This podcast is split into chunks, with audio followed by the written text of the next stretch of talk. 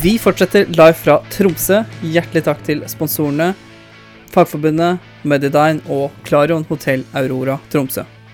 Seksjonsleder eh, for fagheten ved ambulansetjenesten i UNN. Og du har vært sentral med tidlig antibiotika ved sepsis. Eh, det har aldri hatt større fokus enn nå, så du vil fortelle om dette livreddende prosjektet i ambulansetjenesten og resultatene så langt. Ja. ja applaus. Hæ? En mann på scenen. Er det din? Dette er mine kort, ja. Ikke ta mine. Ikke ta dine. Ståle Bratland, du er en vanskelig mann å få tak i, for det første. Uh, for det andre så har jeg gleda meg veldig mye til å prate med deg her på scenen. Ja, jeg får si det samme, da. Men jeg er ikke så glad i sånne sammenhenger som det her. Så derfor har jeg vært veldig vanskelig for folk. Okay. Du har gjort deg tilgjengelig da med vilje. Den allerede. For jeg trodde jo i utgangspunktet at det var bare meg og deg som skulle være her. Ja. Men, eh, men så, sånn ble det jo ikke. Så det er lurt. Ja, det er fælt. Du inviterte noen venner også. ja. Um, ja, du er seksjonsleder i fagenheten. Ja. Uh, driver med bare fag. Og du sa du at du hadde savna det å kjøre ambulanse nå? Ja. ja. Og jo mer jeg ser på 113-serien, så jo mer savner jeg det. Ikke sant? Mm. Mm. Uh, smooth overgang fra, fra forrige gjest. Uh, hun har en uh, retningslinje på hypotermi. Men ja, den gikk vi ikke så dypt inn i, så den dropper vi. Den dropper vi, ja. Da ja. går vi rett på sepsis, da. For det er jo egentlig derfor vi har invitert deg her. Ja. Um, veldig spennende prosjekt. Jeg var oppe på ambulansestasjonen i dag og fikk se litt på på flytskjemaet deres og medisinene eller den taska deres. Mm. Um, du har ledet uh, prosjektet uh, med å innføre antibiotikabehandling uh, for pasienter med sepsissymptomer i, i UNN. Ja, I ambulanseavdelingen? I ambulanseavdelingen, ja. Mm. hvorfor er det et viktig fokus med sepsis? Hvorfor har det vært viktig for deg? Først og fremst fordi at det kanskje er større pasientgrupper enn vi helt er klar over. Selv om vi ikke har veldig gode evidenstall på hvor stor populasjonen er, så har vi noen føringer som går på at det sannsynligvis er kanskje like mange som stemipasientene våre. Så dødeligheten hos disse pasientene, spesielt hvis de utvikler septisk sjokk, er veldig høy. Sånn at tidlig eh, behandling eh, tenker vi er viktig for disse pasientene. Hva var bakgrunnen for å innføre tilbudet? I utgangspunktet så er det litt todelt. Som oftest så starter det med tilsyn. 2016 var det et stort eh, nasjonalt tilsyn med akuttmottakene. Flere enn akuttmottakere i Norge. Eh, og akuttmottaket i Tromsø på UNN, altså Universitetssykehuset Nord-Norge, var en av de som fikk krassest kritikk i det tilsynet. Eh, flere pasienter lå flere timer med sepsisutvikling før man fikk antibiotikabehandling.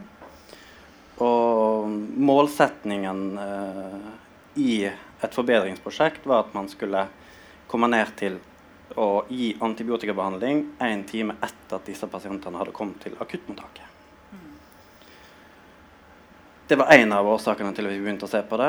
Eh, den andre årsaken er at vi i UNN har et samarbeid som heter klinisk samarbeidsutvalg mellom spesialisthelsetjenesten og alle kommunene i, i uh, UNN sitt sykehusområde. De har satt seg ned og sagt at man ønsker uh, samprosedyrer mellom kommunehelsetjenesten og spesialisthelsetjenesten ute prehospitalt.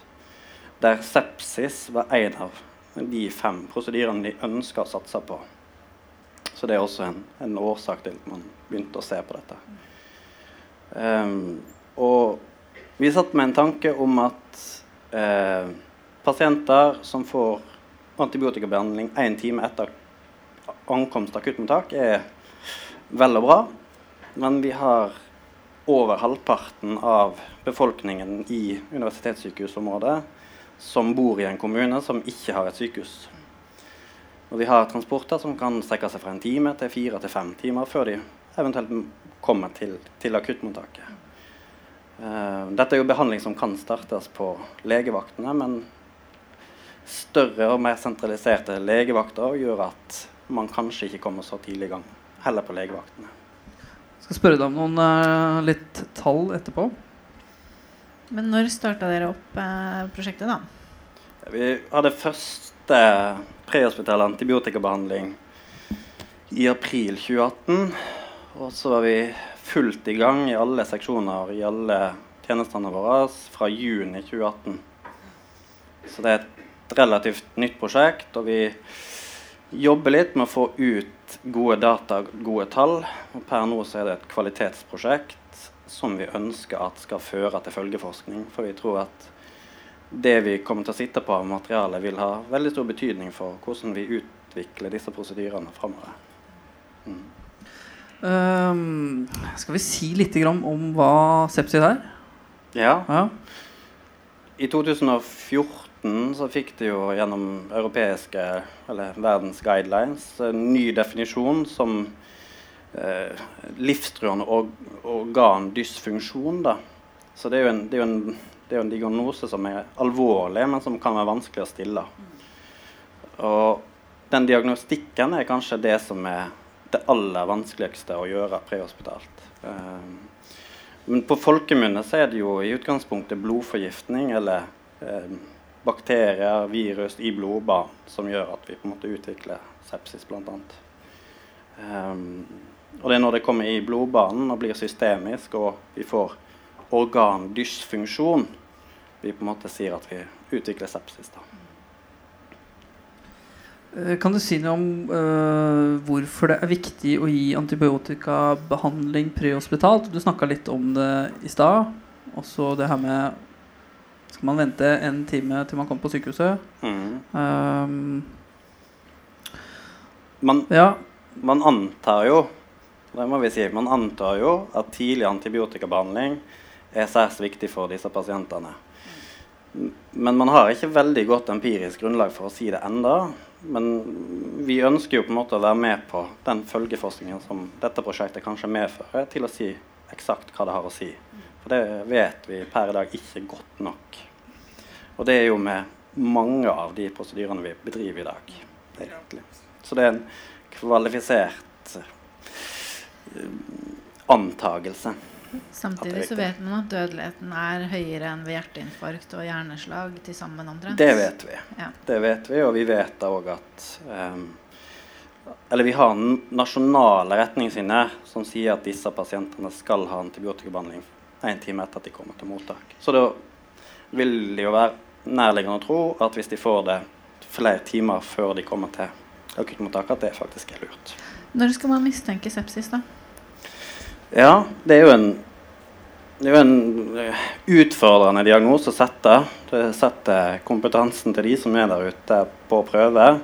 Men det starter jo med en infeksjonsmistanke. At man har en mistanke om at en pasient har en infeksjon. Og, og dette sammen med flere kriterier, f.eks. risikofaktorer for å utvikle sepsis.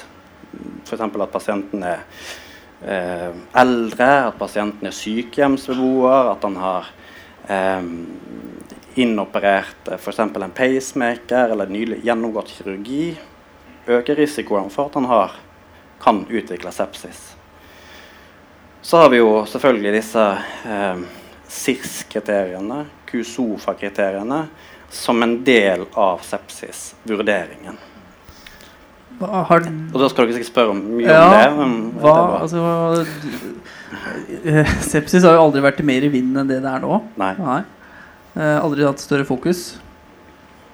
Eh, SIRS og Kutofa, hva bruker dere? Kombinasjon? Ja. Begge to? Vi bruker begge to, Ja. men de er ikke helt avgjørende for om vi starter antibiotikabehandling prehospitalt.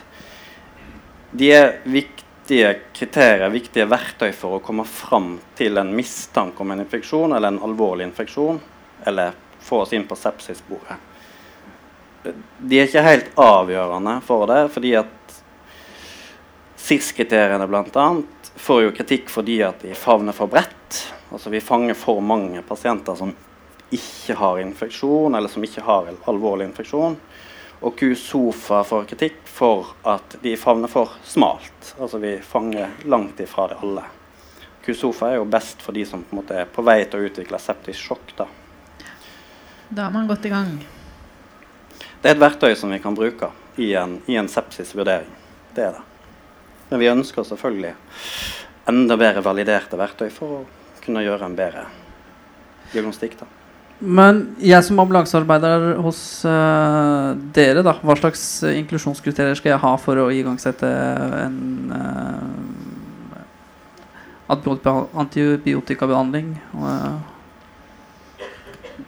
Sepsismistanke starter med infeksjon. Mm. Infeksjonsmistanken din.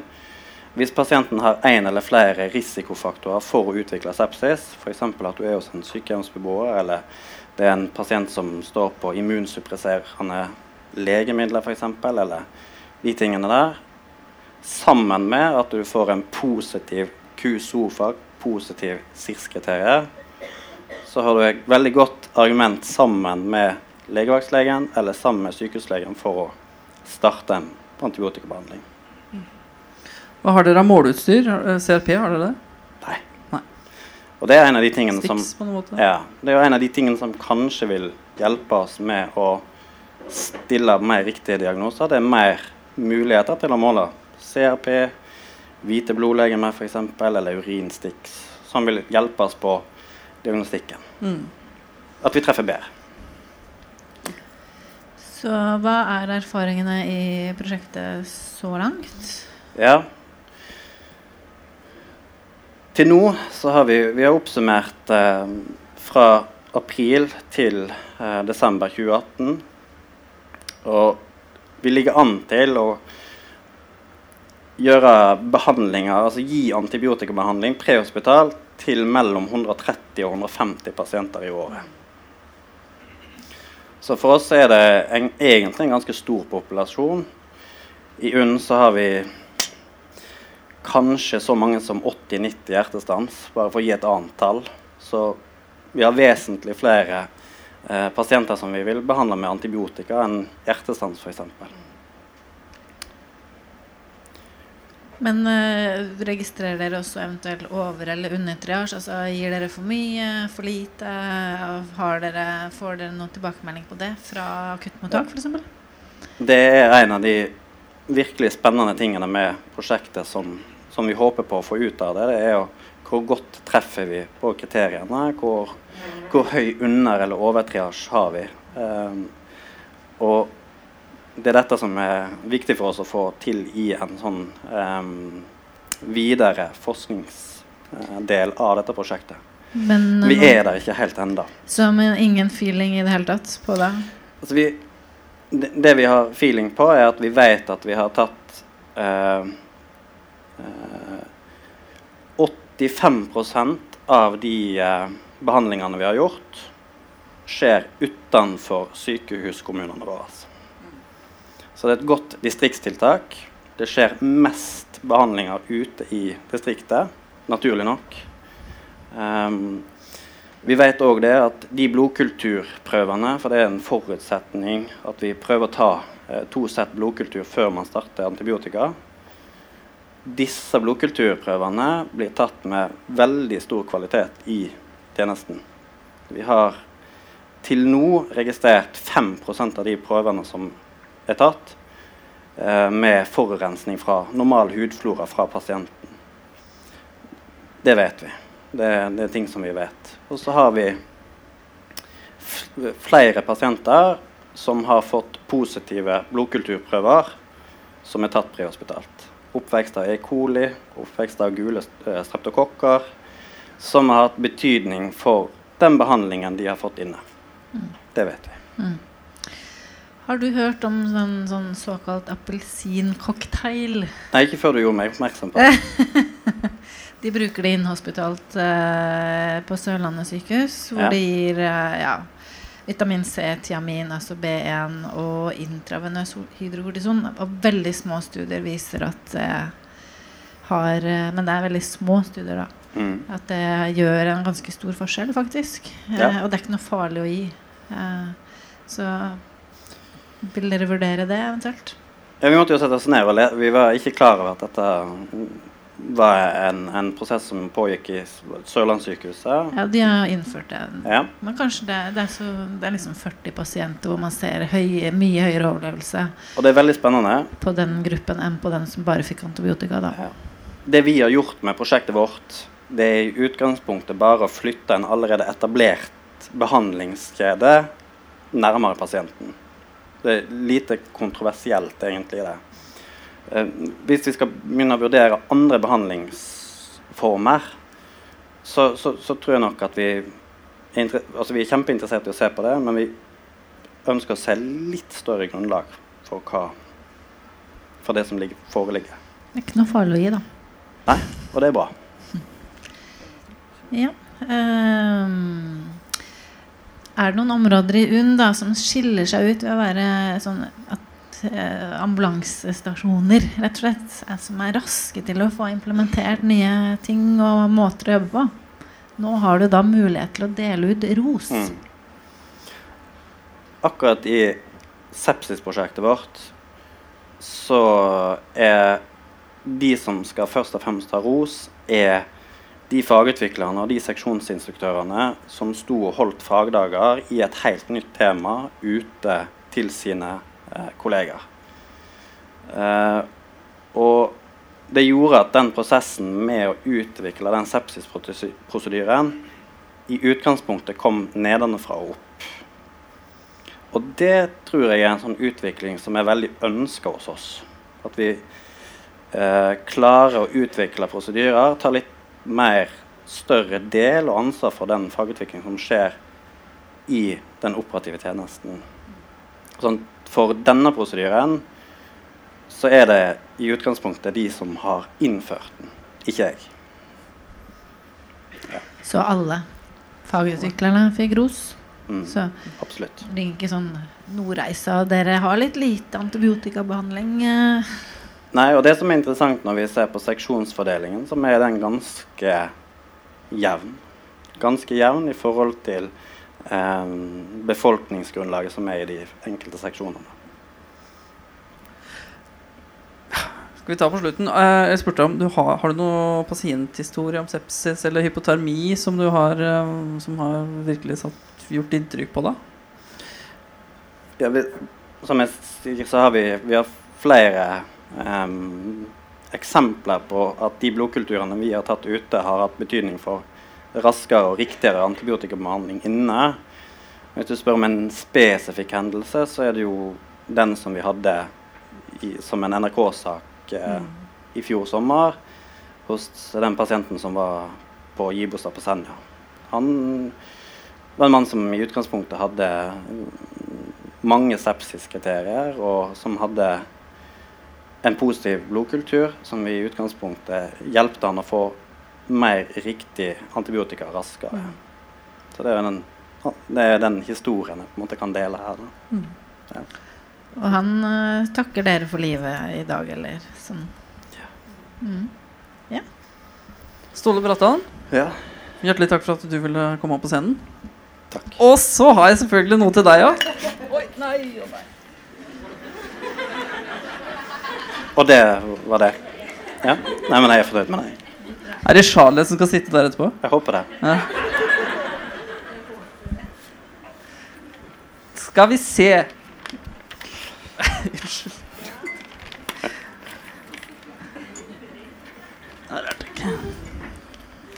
Det var vanskelig å gjøre research på deg òg. Vanskelig å få tak i deg på, per telefon også. Ja. Sepsisståle, er det noe som passer, eller? ja, det er mulig at det er vel så treffende som noe annet. Vær så god. Tusen Tusen takk for at du kom på scenen. Takk.